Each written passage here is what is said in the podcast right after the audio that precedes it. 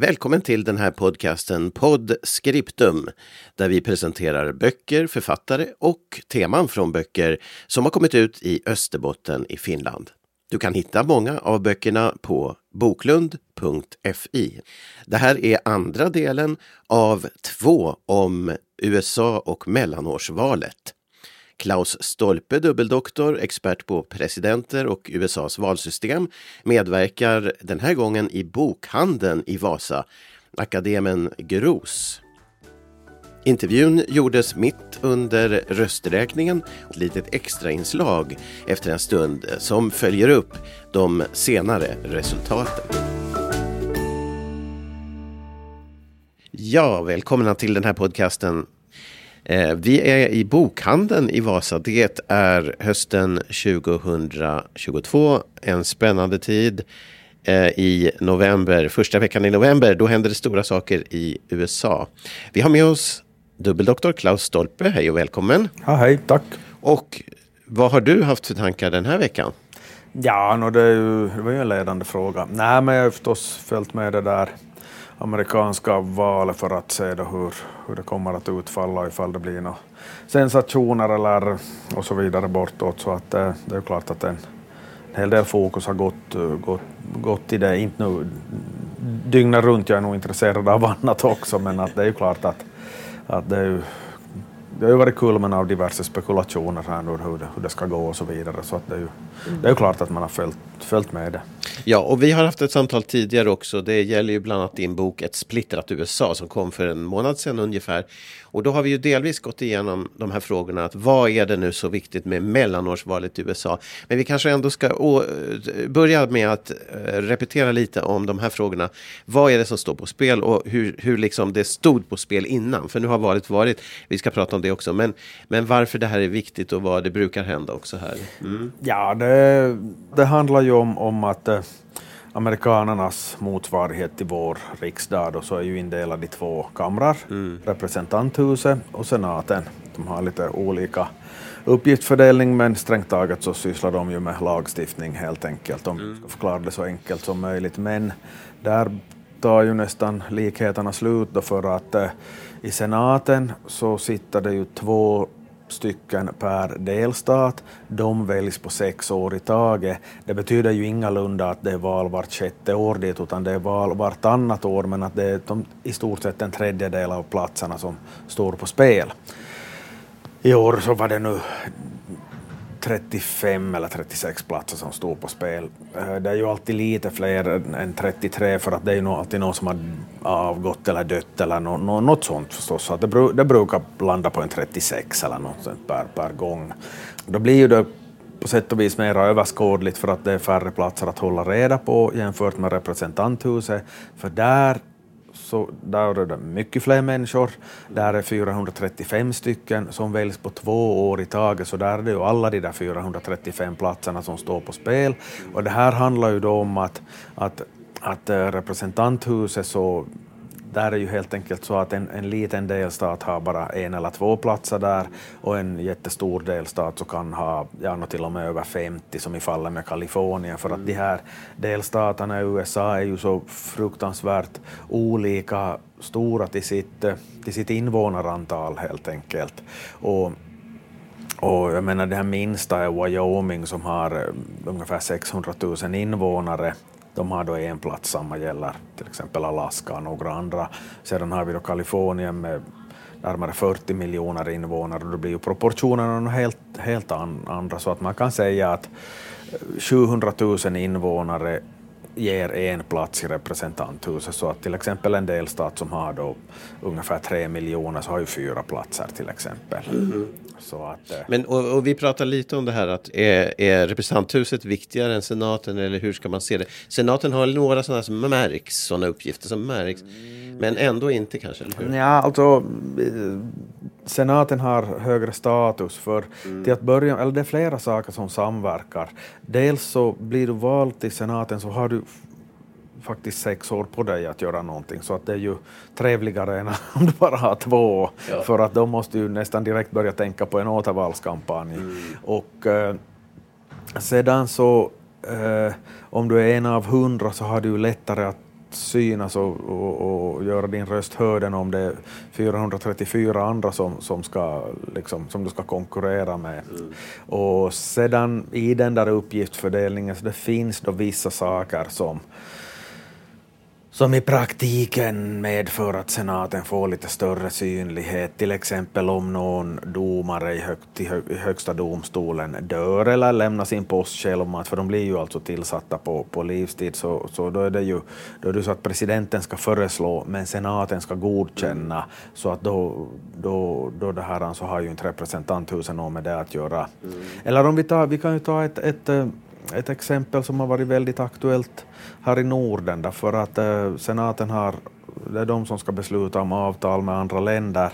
Dit hör då ett NATO-medlemskap, surprise, surprise, så är det ju, så att det, var ju, det gick ju inte via representanthuset då Finland och Sverige skulle, skulle det här, försöka komma med, med där. Här är det så att, att varje, varje NATO-land ska ju rösta separat som nu de som följer med nyheterna kanske vet med, liksom med Turkiet spjärnar emot och mm. så vidare. Men att då, då det var USAs tur att, att liksom säga sitt så då var det senaten som skulle Mm. Säga bu eller bä helt enkelt. Men kan, kan man säga att de, de personer som, som hamnar i senaten är så att säga lite, lite mer slipade politiker eller, eller är det ingen skillnad? Ja, nog, nog, kan, nog, nog kan man säga det nog egentligen om man nu tillåter sig att uttrycka sig generellt för att det är ju inte heller ovanligt att man börjar i representanthuset mm. och sedan sedan försöka sig på en, en, en plats till senaten. Det, mm. det, är ju, det är ju den vägen man går snarare än tvärtom så att säga. För mm. att, att det, så att redan det så, så visar ju på att det, det är något högre status i senaten även om det nu inte liksom var meningen från början. Mm. Utan, men för att, eh, no, nu, nu blir det historikern i, i mig som tar, tar plats märker jag, men att eh, Alltså själva den här grundlagen, var, var man bestämde om de här grejerna, så är ju en enda kompromiss liksom från början till slut för att man skulle få ihop det där paketet. Mm. Och då var det ju förstås, då, eller förstås och förstås, men att uh, var och en såg ju till sina egna intressen, så att de som var från en liten delstat så tyckte ju att, att ja, men det är klart att alla delstater skulle vara lika värda mm. och de som var från en större tyckte att ja, men det här är ju helt sjukt för att, att eh, vi som har mycket större befolkning, att det måste ju synas i representationen också. Så för att komma vidare så grundar man två kamrar helt mm. enkelt och, och, så att det blev en kompromiss där. Men om statsvetaren i dig ska säga någonting om det, eh, utvärdera lösningen, är det tummen ner då? Ja, inte vet jag väl, väl det är bara det att det är ganska det är liksom bara så mycket som är konstigt där, mm. för att äh, vi ska komma ihåg att, att den där grundlagen är från 1787.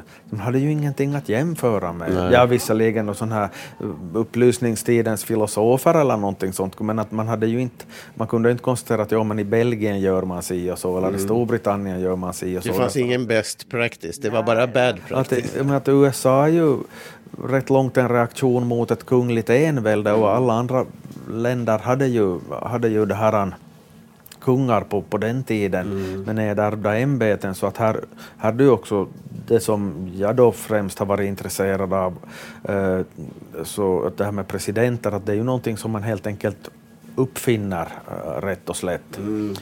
Men där är ju det att, att om man läser den där, kikar på den amerikanska grundlagen så det är väldigt kortfattat om presidentens uppgift. Ja. man var ganska fed up vid det laget och ville åka hem helt enkelt. Man har suttit där och grälat hela För den kom i slutändan. Ja, det kom i slutändan. Så för det så var det ju mycket, man hade man diskuterat liksom högsta domstolen och maktens tredelning och, och och sen då också det här med att ska vi ha som en kammare eller två och, och, och så vidare och sen då man kom till presidenten så att nej men nu sticker vi hem helt enkelt. För det var också en sak som enligt en samlad kår av bedömare så, så det var ju också att man, eller förstås man levde ju där och nu naturligtvis och konstaterade att det är väl ändå George Washington som blir den här första presidenten. Han tycker vi ju alla är en bra karl, så han mm. får liksom utforma praxis helt ja, enkelt. Ja. Så att det var, jag tror det var mycket det också, att det, var, att det var, fanns en ganska självklar första president helt enkelt. Ja.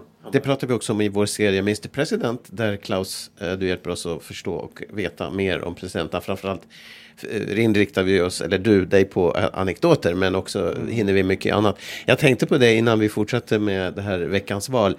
Det finns två, det finns två presidenter som avslutar sin karriär med ganska delvis, en av dem i alla fall, väldigt lång karriär i kongressen och den andra var också i kongressen men inte så länge. Men berätta de två presidenterna. Alltså normalt sett då någon har varit president så håller de låg profil, sen kanske skriver en bok eller någon, någonting sånt. Det att man gör som Trump och försöker komma igen och lägga sig i allting är rätt ovanligt. Men mm. den här John, John Quincy Adams som var inte nu kanske en av de riktigt mest lyckade presidenterna i USA. Det var väldigt mycket ståhej kring vilket sätt han hade blivit vald på. Så mm. han, han, eh, att, nu snackar vi om en som blev vald på 1820-talet, så han han liksom fortsatte att engagera sig, mm. sig politiskt helt enkelt och satt i, i, i representanthuset efteråt och det är ju, det är ju helt... Han dog till och med? Ja, precis. Jo, jo, jo, i praktiken kan man säga att man tar klichéartat att han dog med stövlarna på för att han fick väl någon stroke eller vad det var, så konkade man väl in honom i talmannens rum eller någonting sånt och se ifall han skulle bli bättre i skick men att det blev, blev han ju inte så att det... Och efter många år alltså var det? Ja. Men, men och sen hade vi den andra? Var det... John, Johnson. Johnson så, som, alltså inte Lyndon B Johnson då, som säger man Johnson så tänker väl folk på Kennedys efterträdare men det fanns ju en en lite lustig figur som hette Andrew Johnson som, eh, som hade varit vicepresident åt, eh, åt, det här, eh, åt Lincoln och sedan då blev, blev president. Hastigt och olustigt i och med mordet på Lincoln och han var ju liksom fel man på fel plats vid fel tidpunkt ungefär och liksom gräla med allt och alla han var ju speciell på, på alla tänkbara sätt. Han var den mm. första som blev ställd inför riksrätt och klarade sig med Precis. en enda röst. Men att det som jag skulle säga om det här Mr President så, så som jag nu förstås hoppas att folk orkar lyssna på för att det försöker vi ju ändå. Jag tycker vi, i den mån jag nu kan vara objektiv, vilket knappast jag kan, så, så det är ju, det är ju ändå så att vi fokuserar ju på lite mer sådana här fun facts och mm. lustiga episoder och anekdoter och sånt. Men nog finns ju där tycker jag, ganska mycket sån substans i grunden också. Att, att vi kommer in på sådana den tidens stora frågor och, och, och, någon gång kan det vara slaveri och någon annan gång är det tullar, skyddstullar eller no, no, no, no, någonting sånt. Så att för att det finns ju som så väldigt mycket att, att ta upp i de här sammanhangen. Men um, den här veckan har det varit spännande med mellanårsvalet, alltså i USA. Och början av veckan då såg det väldigt eh, tydligt ut att det skulle bli en röd våg i USA. Att eh, som, som ju också finns en tradition att kanske det parti som presidenten inte tillhör gör framgångar i mellanårsvalet. Och dessutom var det här med Trump som, som eh, skulle annonsera att han ska vara med i presidentvalet. Eh, eh det, ja, det var så det lutade då, men det är inte riktigt lika så nu. Representanthuset, så där där är det så att, att det, det, är nästan en naturlag att presidentens parti går bakåt ja. det är så här mellanårsval och, och, och den här majoritets ställningen som Demokraterna hade så var ju ja, hårfin helt enkelt. Mm. Så att det, var ju, det var ju ganska klart att, att uh, Republikanerna skulle ta över. Det kommer de också att göra, men inte alls så stort som, som många då liksom antog eller befarade eller mm. något, något, något sånt. Sen senaten, så där, där så, så var det nog väldigt sådär 50-50 i ordets rätta bemärkelse, att det, var inte, mm. att det blåstes upp kanske i nyheterna att, att det är säkert att de kommer att ta över, men att, att det visar ju sig att, nu vill jag inte låta besserwissa, men att i den här boken så, så det gick ganska långt även på delstatsnivå så som jag skrev, och det, det, det satte ju punkt för ändå i augusti, men att det var, det var ju ändå bara några delstater som man, eller några, några med sig nu, åtta platser av de där 35, 36 som var, var, var på spel som, som det var något snack om därför att det, även, om det, även om de här partierna är väldigt jämnstarka så det är ju det är ju det här så att, att eh, det är väldigt få ställen där de är jämnstarka. Mm. Att i en väldigt sån här ur, ett urbant område så är det klart att demokraten vinner och ett, på, ute på vischan så, så är det mera värdekonservativt, där vinner republikanen. Och där var ju då några, några delstater som man ju skulle hålla hålla reda på. Det, det svängde ju faktiskt i, i väldigt, väldigt få. Eh, det var ju då, om vi repeterar, 50-50 i, i senaten före och det betyder ju då att, att uh, vicepresidenten har utslagsröst för att uh, det är ju alltså vicepresidenten har väldigt få uppgifter men vicepresidenten är ordförande för senaten och har, har som den 101 medlemmen om vi nu säger, säger så. Så att då är det av betydelse då att det har varit Harris, alltså en demokrat som har varit är vicepresident där men 50-50 mm. och då räckt, skulle det räckt förstås att, att republikanerna tar en plats så det blir 51-49 och that's, that's about it helt enkelt. Men att det svängde ju då så att i, i Pennsylvania så blev blev det här, där var ju platsen vakant eftersom den här Pat Toomey som hade varit den republikan som hade suttit där tidigare så, så avstod från omval. Och det stod då mellan en som heter Fetterman och en, en som, för, som var sån här viceguvernör, om vi nu uttrycker det enkelt, alltså en demokrat, rätt originell typ, sån här som kommer från fattiga förhållanden och, och sånt. Han eh, ifall han rör sig med en livvakt så vet man inte vem som är livvakten och politikern. Det är alltså en stor tatuerad kar som vanligen går omkring i shorts och så vidare. Så att han, han är den här han ser inte ut som en typ, han ser inte ut som en senator om vi säger så. Och så han, han var då uppställd mot en, en som heter Mehmet Oz och uh, det är ju då någon som inte är känd för oss, oss, haha nu är jag rolig, uh, men dessutom är känd i USA därför att det är en sån här TV-läkare helt enkelt, så han fick ju mycket draghjälp via det. Och Trump talade sig varm för honom och så vidare. Och, och det plöjdes ner ofantliga mängder i den där valkampanjen. Så man talar om att totalt sett hade satsat 340 miljoner dollar bara på, på senatsvalet i, i Pennsylvania. Mm. Och det är alltså en sån här delstat var det alltid är sådär väldigt jämnt mellan partierna. Nå, den här Fetterman vann, så alltså den här demokraten i sådana fall skulle det vara 51-49, men då är det så att i Nevada så går det tvärtom, så att den här sittande sittande senatorn, vad heter hon då, Cortés Masto, uh, hon förlorar mot en Adam Laxalt och så är det 50-50 på nytt. Mm. Men då kommer vi till det här riktigt delikata att vi vet inte hur det går i Georgia, för där har man ett annat valsystem för att man, man uh, det finns två kopplingar till Finland här faktiskt. Man har samma valsystem som som vi har i ett presidentval i Finland. Och de här båda som det stod mellan, Raphael Warnock, alltså den, en demokrat som är den sittande senatorn, och eh, en Herschel Walker, en republikan, så de fick typ 49 procent var för att det var någon sån här tredje kandidat också som var uppställd och då, då blir det en andra omgång och jag sa att det finns olika kopplingar till Finland för den andra omgången är alltså 6 december, alltså Finlands, Finlands nationaldag, eller självständighetsdag ska jag väl kalla det. Mm. Så, att, eh, så att det betyder ju då att i, i vinner den där demokraten så är det fortsättningsvis 50-50 och Harris har utslagsröst. Om den här Walker vinner så är det 51-49 och då är det ju republikanerna som har makten givet att de liksom kan hålla ihop styrkorna. Mm. Och det där behöver man ju då inte vara någon, någon ha någon, någon kristallkula för att fatta att, att det här kommer ju då, eftersom det där avgör hela maktbalansen, så mm. kommer det att bli det säkert dyraste senatsvalskampanjen någonsin. Mm.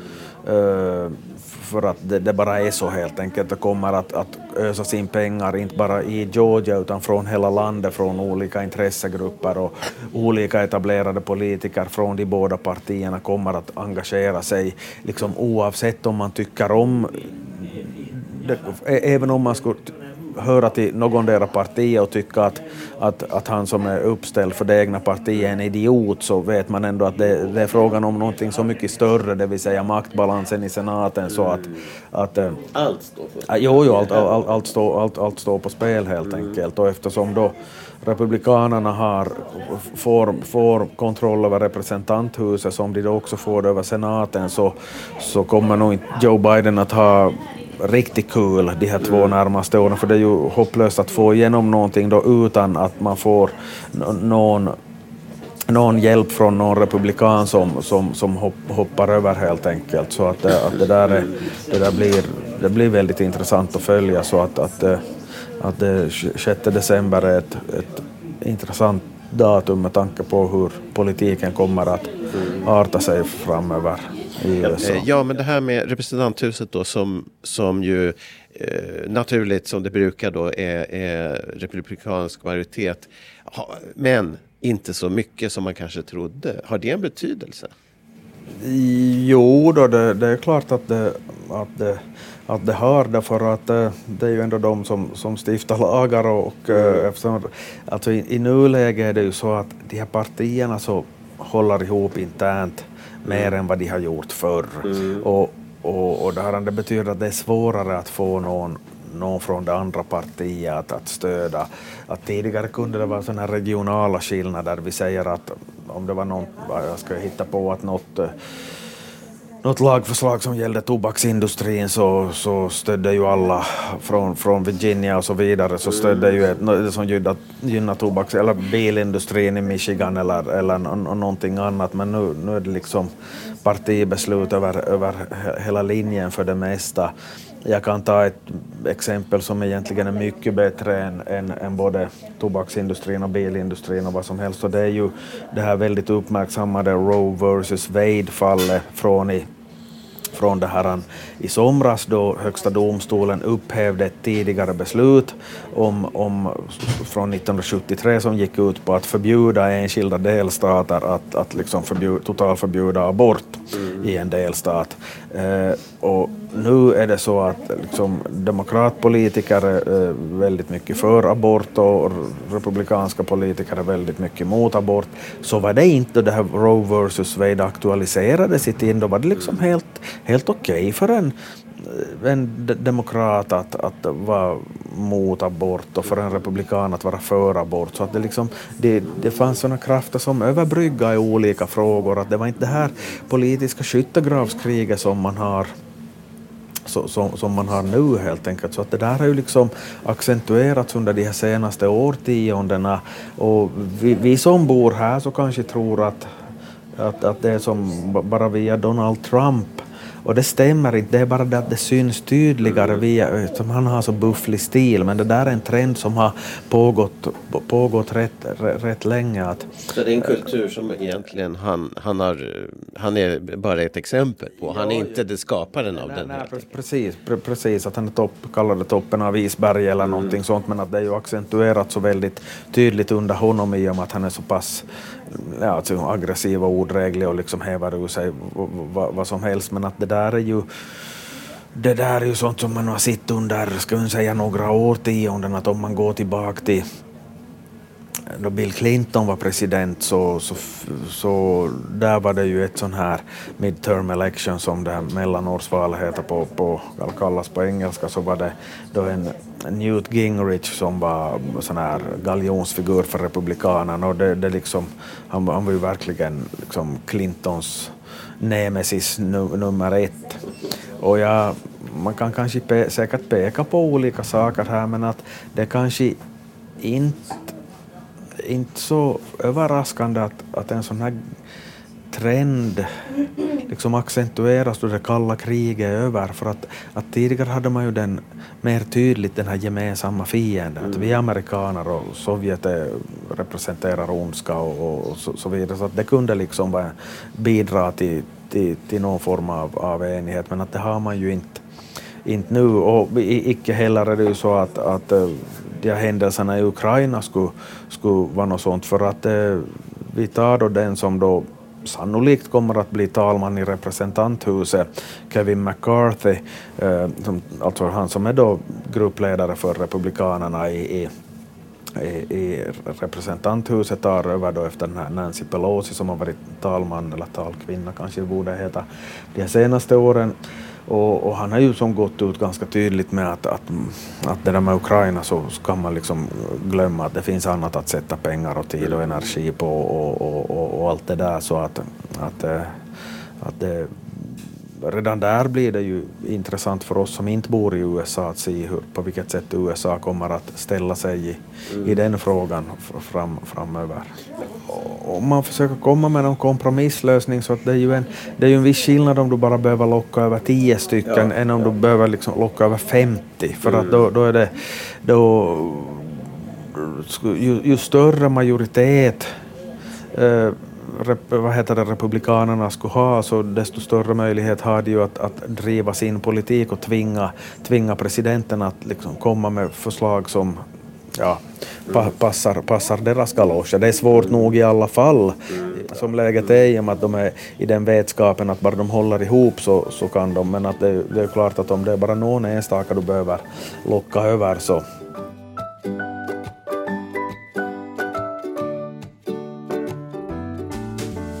Det här är Podscriptum och här sätter vi in ett litet senare samtal där Klaus Stolpe berättar om de uppdaterade resultaten från mellanvårdsvalet i USA.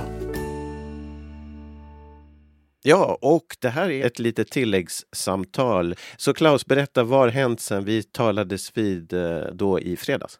Ja, det som har hänt är ju att eh, resultaten har klarnat i de här avgörande distrikten till senaten och det som, det som då var det här mest spännande där mot slutet så är, resultatet i Nevada och där, där var det så att en, vi har en, en senator som heter Catherine Cortez Masto som, från Demokraterna som är då för övrigt den första med latinobakgrund, första kvinnan med latinobakgrund i, i det här senaten.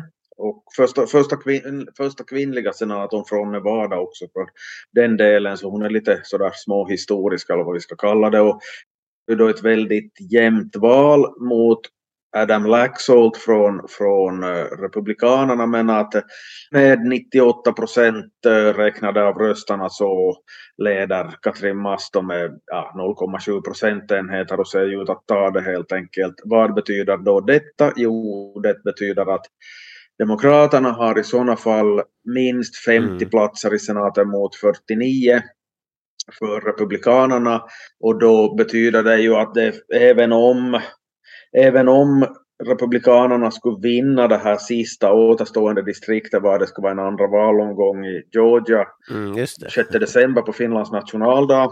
Mm. Väldigt att komma ihåg datumet för mig åtminstone. Så, så att då blir det ju 50-50 men att då blir det ju ändå så att Kamala Harris har utslagsröst om det skulle mm. råka bli oavgjort i, i, i senaten. Så att det där var, det utgången i Nevada var väldigt viktig helt enkelt. Men eh, samtidigt, det är ändå väldigt viktigt det där valet i Georgia för att det är en viss skillnad nu om det är 51-49 eller 50-50 därför att eh, det finns ett par senatorer inom Demokraterna som ibland mm. röstar med Republikanerna. Eh, Joe Manchin och Kirsten mm-hmm. Sinema heter de där båda så att det är ju, det är ju så länge det var 50-50 så visste man ju att, att de där båda så sitter ju i praktiken med avgörandet i sin hand hela tiden. Det kan de ju göra ännu ifall, ifall båda mm. röstar med Republikanerna i en fråga men att det, så att det, men att det är ju nog klart att det skulle vara lätt, lättare för Joe Bidens parti om de har 51-49 jämfört med om det, om det är 50-50. Har de 51 för 9 nu? Det har väl 50... Nej, det är 50-50 för tillfället men som sagt då är, ju, då är, man ju beroende av att man faktiskt håller, håller ihop det ena lägre men att just en sån som Manchin eller Cinema så, mm. så, så kan liksom fälla avgörandet till, till motparten men att lite enklare är det ju om det är 51-49 för att då måste de mm. båda helt enkelt hoppa över till Republikanerna. För att... Men jag menar eh, skillnaden mot att inte alls kunna nå majoritet var ju det som man såg framför sig egentligen. Och nu, nu, nu menar du att det är ganska säkert att man ändå har en liten övervikt tack, tack vare Harrys röst då? Ja, det, det, det, det, har, det har man ju. Det är klart att, i, att, att det är ju en betydligt trevligare situation för mm. Demokraterna att ha minst 50 platser jämfört med om det skulle vara någon sån där 45, 55 eller något liknande, att Republikanerna mm. skulle ha ett, ett övertag. Nu ska vi då komma ihåg att det här kan ju låta lite nördigt för någon som inte är sådär superintresserad, men de har ju då två kamrar som sagt och i representanthuset så är det ju då nå tydligen så att, att eh, Republikanerna får en knapp men klar majoritet. Mm. Eller åtminstone knapp. Men att det, betyder ju då att, att om det kommer något liksom lagförslag från representanthuset så är det ju lättare för för Demokraterna i senaten att bromsa upp det lagförslaget för att nu förklara så enkelt som möjligt. Så att det, mm, det är det jo, jo. allra bästa, allra bästa det är för ett parti om man har majoritet i bägge kamrarna men att, att uh, redan om man har majoritet i en av kamrarna så är det ju ja, lättare att agera helt enkelt. Ja, och, och, och det här valet i Georgia då 6 december, det, det kan inte påverka någonting sämre än det är nu? Nej, nej, det kan det ju inte för att även om, om även om då Republikanerna skulle ta hem det där så är det ju ändå 50-50 så att man har den där mm. sam, egentligen samma situationen som är för till som har varit nu de här senaste åren att ja, med, med, den skillnaden att, att, att äh, Demokraterna tog en plats i, i Pennsylvania men då kanske förlorar en plats i Georgia istället men att, att kontentan av det hela att äh, styrkeförhållandena är de samma som, som tidigare helt enkelt. Men, men om de vinner då som du sa nyss i Georgia, då kunde det bli 51-49? Ja, då blir, då blir det inte bara kunde utan då, då, då är det så då helt blir det enkelt. Så. Och, och det är ju viss mån spännande det. Jo, jo, jo, jo, jo, Så, att, och så, så att om det är 51-49 så vet man ju då uh, att uh, förstås en sån som Manchin kan ändå rösta med Republikanerna i någon fråga Eh, mm. Eh, men då är det ändå 50-50 och Harris avgör. Sen om både Manchin och Sinema eller någon annan då röstar med så det är ju en annan sak. Men att det är ändå, det är ändå eh, eh, tryggare helt enkelt. Eller det säger ju sig självt att ju, ju större marginal man har desto tryggare är det ju naturligtvis. Mm. Men sen har det ju också varit nu i media, särskilt utomlands som representanthuset, att nej, men det kanske inte är klart att Republikanerna tar det. Men vad, vad säger du om den diskussionen? Finns det några, finns det, kan det hända saker där eller är det bara lite? Ja, jag tror nog att det kan hända, alltså så länge så, så länge det inte är färdigräknat så, så kan, man inte, mm. kan man ju inte veta. Men att nu, det lutar ju ändå mot att, att det är Republikanerna som, som övertar kontrollen av representanthuset. Men att det är ju, det är ju mm. de facto väldigt jämnt även, även där. Att, att då vi nu sitter och pratar, vi snackar eh, måndag 14 vid middagstid så då, då är det, ja, jag kan ta fram på, på skärmen här och kolla, då är det så att av det som är räknat så, så har Republikanerna 212 platser, Demokraterna 205. Det blir, mm. Men att det, då, det blir ju 417 totalt, så det är 18 distrikt som är oräknade. Så mm, det betyder ju att om, om nu, no, det betyder ju att Demokraterna skulle ta hem två tredjedelar av, av de som är oräknade då. Det, det, klart det kan ju gå på det viset att, men, men, men i nuläget så lutar det ju ändå mot att Republikanerna får en liten, liten majoritet där. Ja, hur stor sak är det i ett mellanårsval att, att eh, presidentens parti behåller makten i senaten? Är, är, hur ska man se på det? Ja, alltså det, är ju, det är ju väldigt viktigt för att det är ju ändå eh, Även om ju presidenten naturligtvis har en, en stark makt i USA så, så det är ju kongressen, alltså det vill säga senaten och representanthuset som, som stiftar lagarna och då, då är det ju att, att ha, skulle man ha då båda, bägge kamrarna emot sig så är det ju väldigt svårt för en president att få igenom någonting överhuvudtaget, speciellt så infekterat som läget är i USA mellan de här båda partierna. Så att, mm. att det, det, det är ju av, av väldigt stor betydelse för presidenterna att, att man har kontroll över åtminstone en av de båda kamrarna men liksom helst, helst bägge för att ha någon slags handlingsfrihet eller vad vi vill kalla det.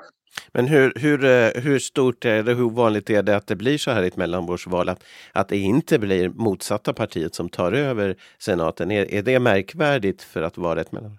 Nej, inte, inte skulle jag säga att det är märkvärdigt för att eh, jag menar, det blir ju ofta något av en ett, eh, en slags förtroendeomröstning om, om, eh, om presidenten, mm. vare sig man vill det eller inte. Så att speciellt i representanthuset så är det snarast en, en naturlag att, att, eh, att motståndarpartiet går framåt och ofta tar ja. över. Sedan är ju inte senaten lika känslig för politiska trender och sånt i och med att, att uh, vi ska komma ihåg att de sitter ju på sex år i taget och det är, som, det är alltså en tredjedel av platserna som är, eh, står stå på spel varje gång. Så att den här gången var det de som blev valda 2016 medan de som blev valda 2018 har och 2020 har två respektive fyra år kvar så att det var ju bara var det nog 35 platser av 100 som stod på, som stod på spel ja, ja, precis, ja. Och då blir det inte lika känsligt helt enkelt för ja, politiska trender och, och, och, och mm. så vidare. Men att det däremot representanthuset och varje plats står på spel så är det ju är det ju mer liksom känsligt helt enkelt för vad som i, i det här läget så till exempel sånt som inflation och, och så vidare mm. har ju då gynna motståndarpartier för att man är sur på, sur på det styrande partiet. Då. Ja, eh, spännande saker och eh, spännande tider kanske även för dig som lyssnar på det här när tiden sen har gått och du vet, du som lyssnar kanske vet mer än vi vet idag. Men eh, vi, en, en sak som du berättade nu eh, här tidigare när vi satt i bokhandeln, eh, det var ju det här att eh, valsystemet i Georgia, vi väntar ju nu på valet den 6 december, Georgia som inte, som inte avgör men som som kan ge Demokraterna en starkare position. Eh, eller så blir det liksom status quo. Men i alla fall, du nämnde att valsystemet i Georgia är detsamma som i Finland. Kan du förklara det? Ja, alltså med, med, med avseende på Finlands presidentval för att eh, att orsaken att det inte är avgjort ännu i Georgia så är att de har en, en en sån bestämmelse att den som, den som ska bli senator ska ha stöd från mer än 50 procent av, av, av väljarna och nu blev det ju då inte, inte så. Eh, så att den här Raphael Bourne och den här pastorn som, som är sittande senator eller som har en av dem, två, varje, varje delstat har två senatorer ska vi väl säga.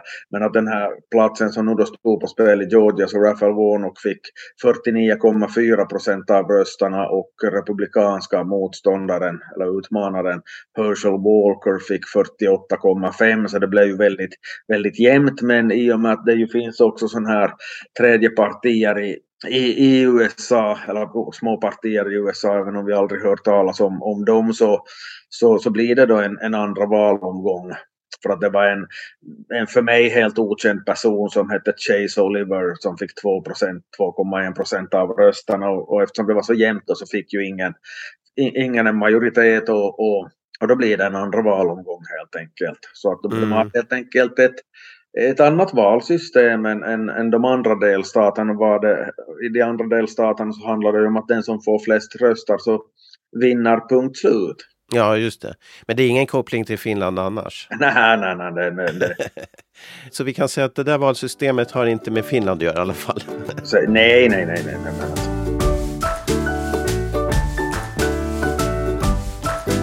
här är Podscriptum och vi förflyttar oss tillbaka till bokhandeln i Vasa, Akademen Gros och samtalet med Klaus Stolpe under mellanårsvalsveckan, första veckan i november 2022.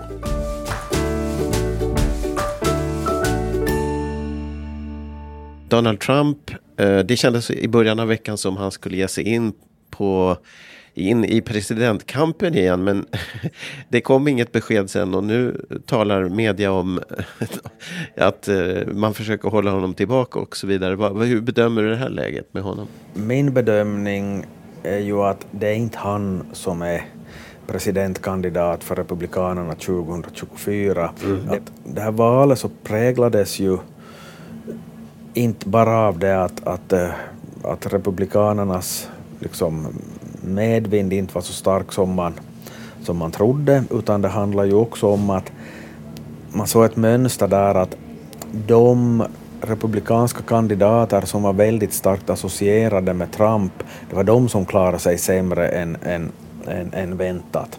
Och det där så har även konservativa tidningar tagit fasta på. Jag såg några ganska underhållande löpsedlar från Wall Street Journal och New York Post som är alltså sådana som har liksom väldigt konservativa dagstidningar som liksom har gjort narr av. På New York Post så var det den här Humpty Dumpty som faller ner från en mur och det var mm, Trumpty, Trumpty Dumpty och då, då, då skulle man kunna tro att det skulle vara en, en liberal tidning men det är ju tvärtom. Att det är ju, det, det är ju att, och, och också från Wall Street Journal så var det att är det nu inte liksom dags att packa ihop och förpassa den där till historien för att han har ett så pass befläckat förflutet. Det där är jag ju då inne på i, i den här boken Ett splittrat USA, att, att, äh, att en sån som Ron DeSantis, det är alltså Floridas guvernör, som nu också blev omvald med, med bred marginal, att han, han har de här samma um, det här samma stuke som, som Trump han är kanske inte lika karismatisk och han är inte lika utseendemässigt så han, man lägger inte märke till honom på samma sätt och så mm. vidare. Men grejen är det att, att han har inte ett sånt där befläckat förflutet som vad mm. Trump har. Så att han, han får inte fart på motståndarsidan på samma sätt som, mm. som vad Trump fick. Att, att nu senast då, det var, då Biden vann så blev ju valdeltagande betydligt högre än normalt och det var ju delvis för att, att det var sådana som, in, som absolut inte ville ha Trump som president mm. som gick och... Han var, han var för kontroversiell. Ja, han är ju, ja. han är ju onekligen väldigt kontroversiell. Så att, mm. Ja, det intressant. Så, så DeSantis kan vara en sån möjlig kandidat? Det är väl han jag skulle gissa på. Mm. Uh, eftersom jag skrivit den, den där boken också så kan jag inte ändra mig något mera men att det, den, det är det du anger där? Mm. Det är det jag liksom är inne lite på där jag försöker nämna några no, no andra namn för att han, han verkar nog vara den som är mest i ropet för tillfället men vi ska komma ihåg att det är två år kvar. Mm. Inte kan, det, sånt där kan hinna ändras så, så, så många gånger att om man Eh, det där med att, att förutspå vilka som ska vara kandidater i något val som är, ligger flera år framåt i tiden, så det är som gjort för att göra bort sig mm. helt enkelt. De, de, de här förhandsfavoriterna kommer och går liksom, men att, att... Eh, men de här utspelen de gör nu, det har, det har att göra med läget nu egentligen och, och försöka påverka situationen nu och det kan vara, bygga upp något för, för, för de två men det vet man inte. Jo, för det... att, att, ska vi säga den här DeSantis då, så han har ju han har ju det här, då han har blivit tillfrågad så har han ju försökt avisera att han inte är så intresserad av det där, men att det, det, är också ett, det där är ju en del av ett spel för att, att eh, om vi nu säger att, att han skulle säga att jag vill bli president om två år, så då sabbar det ju liksom hans situation i ett guvernörsval som är nu. Ja. För att någon kan ju tänka att men, varför ska jag gå och rösta på honom då om han ändå vill, vill ha någonting annat sen? Försvinner snart ja. Försvinner ja, ja, precis. Så att, att eh, mm. Det verkar ju svagt intresse då lite. Ja, pre pre precis. Att det är egentligen det här jag, jag skulle egentligen vilja göra någonting annat. Att ska, ska du bli, bli guvernör i en delstat så måste du säga att det här som jag har drömt om hela mitt liv, han var ju sittande guvernör i och för sig, men jag, han måste, klart han måste ju säga att jag vill väldigt gärna fortsätta. Likadant med Biden alltså, inte, skulle han kunna säga att nej, jag är så gammal så att jag orkar inte något no, no, no mer. Det liksom tar ju bort all tänkbar tyngd från honom. För, men han har ju tillräckligt tillräckligt tungt, tungt, tungt som, som det är, men det är ja. att han, han kan ju inte i nuläget gå ut med att, att nej, aldrig i livet att jag ska mata duvor sen bara jag slipper ut härifrån. Att det, det, det, blir som ett, det har ju ett signalvärde allt vad en, mm. allt, varenda ord vägs ju på guldvåg som en, en liksom etablerad politiker. Mm ja. Spännande Klaus Stolpe. Vi, vi, eh, vi hoppas kanske att få ett litet samtal då kring 6 december igen. Men avslutningsvis, vi har ju ett avsnitt, eh, ett samtal om din nya bok också som vi kan säga att ni kan lyssna på. Ni som är intresserade på totalmedia.com finns det, eh, den intervjun. Men vi kan ändå säga någonting om ett splittrat USA Ukraina, polarisering och två ödesval som utkom för ungefär en månad sedan. Och jag tänker på eh, när du nu ser valet så här långt under samma vecka som valet är, är det fortfarande ett splittrat USA du ser? Mycket. Jo, jo, nej, det, det, det, det, är ju, det är ju helt klart. Uh, jag kan ju nämna någonting om den här titeln, att uh, arbetsrubriken var ju något helt annat. Jag, jag, jag trodde att, att jag började, jag har ju en bok då från tidigare som heter Trump och hans värld och den kom ju ut direkt efter valet, alltså före den här stormningen av Kapitolium och allt det där så att, att det kändes ju lite uh,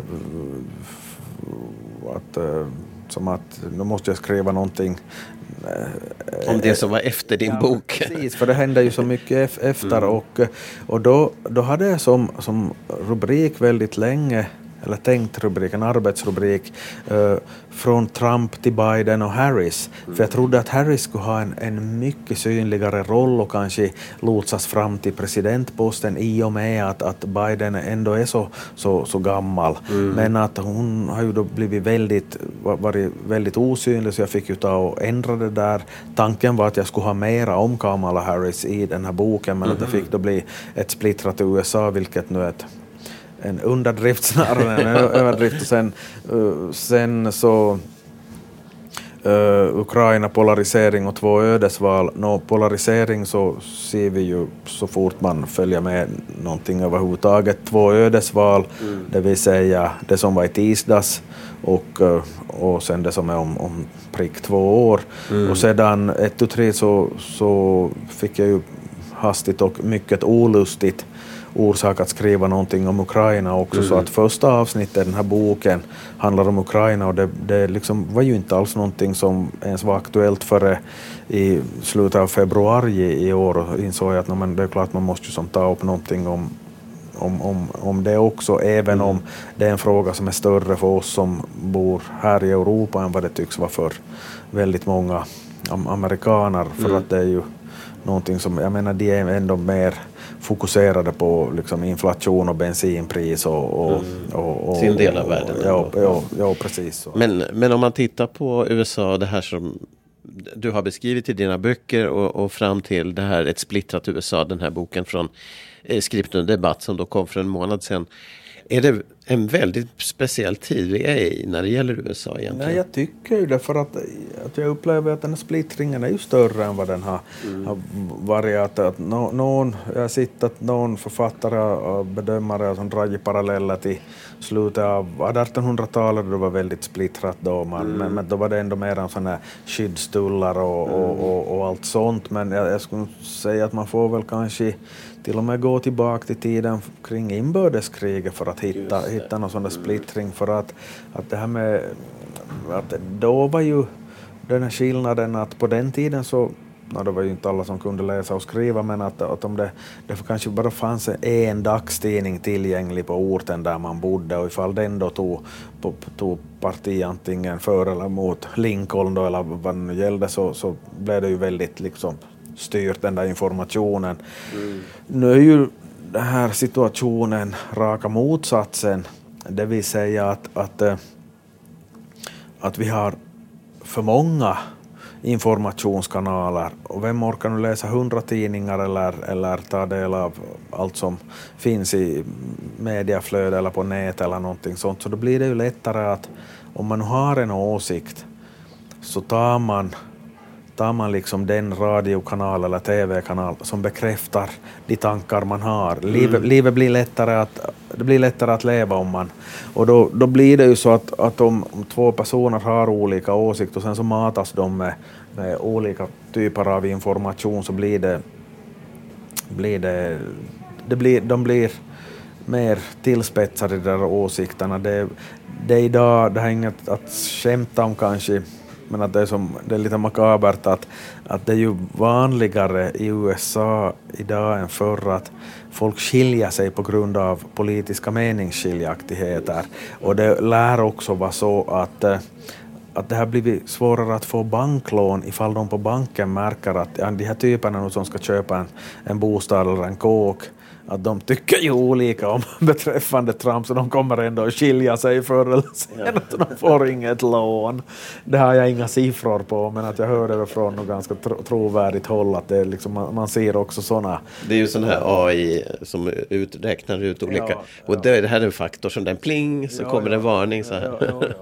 men den här, den här tiden är märkvärdig och den är, det är väl också att den, det händer så konstiga saker allting vrids upp och ner. Det är inte bara splittrat utan det är också väldigt konstigt. Efter, efter Trump, är ju, det var ju massa konstigt under honom. Hans jo, men, jo, jo, men det är liksom, kartan ritas om, inte bara splittrat utan det är och nu plötsligt är det republikaner som säger nej till Trump och det vänder hit och dit. Och... Jo, jo, jo, jo, men att framförallt så, så ser vi ju alltså att jag är bekymrad över liksom risken för tilltagande politiskt våld helt mm. enkelt. Att, som det var ett exempel på. Det, ja men det här var ju, just det här vid stormningen av Kapitolium ja. så är ju, är ju det här en totalt absurd och, och sedan då det finns, äh, finns äh, då liksom även ledande republikaner som jämför med att nej men det var ju ungefär som då någon turistgrupp på, på besök. Mm. Jaha, var i ligger den lik, likheten? Och så nu, kan det vara någon som säger att ja, men det, det, är fler människor som har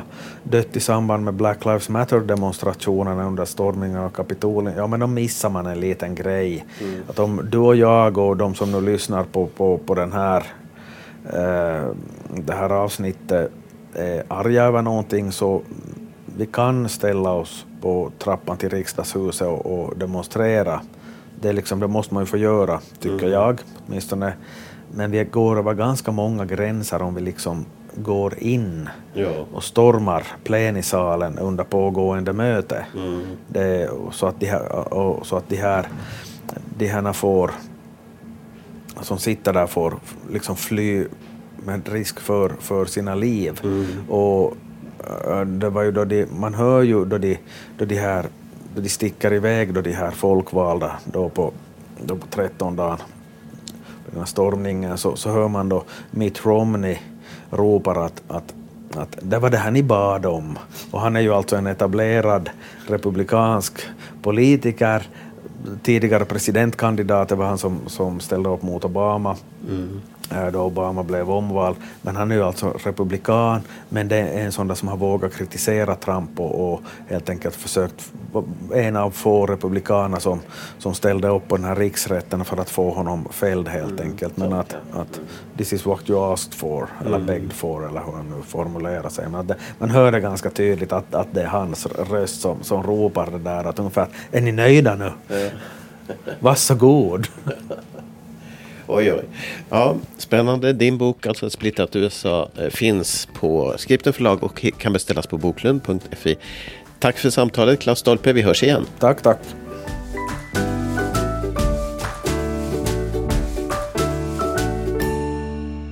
Du har lyssnat på Podscriptum, podcasten om böcker, författare och intressanta ämnen från förlaget Skriptum och förlaget Boklund Publishing i Österbotten i Finland.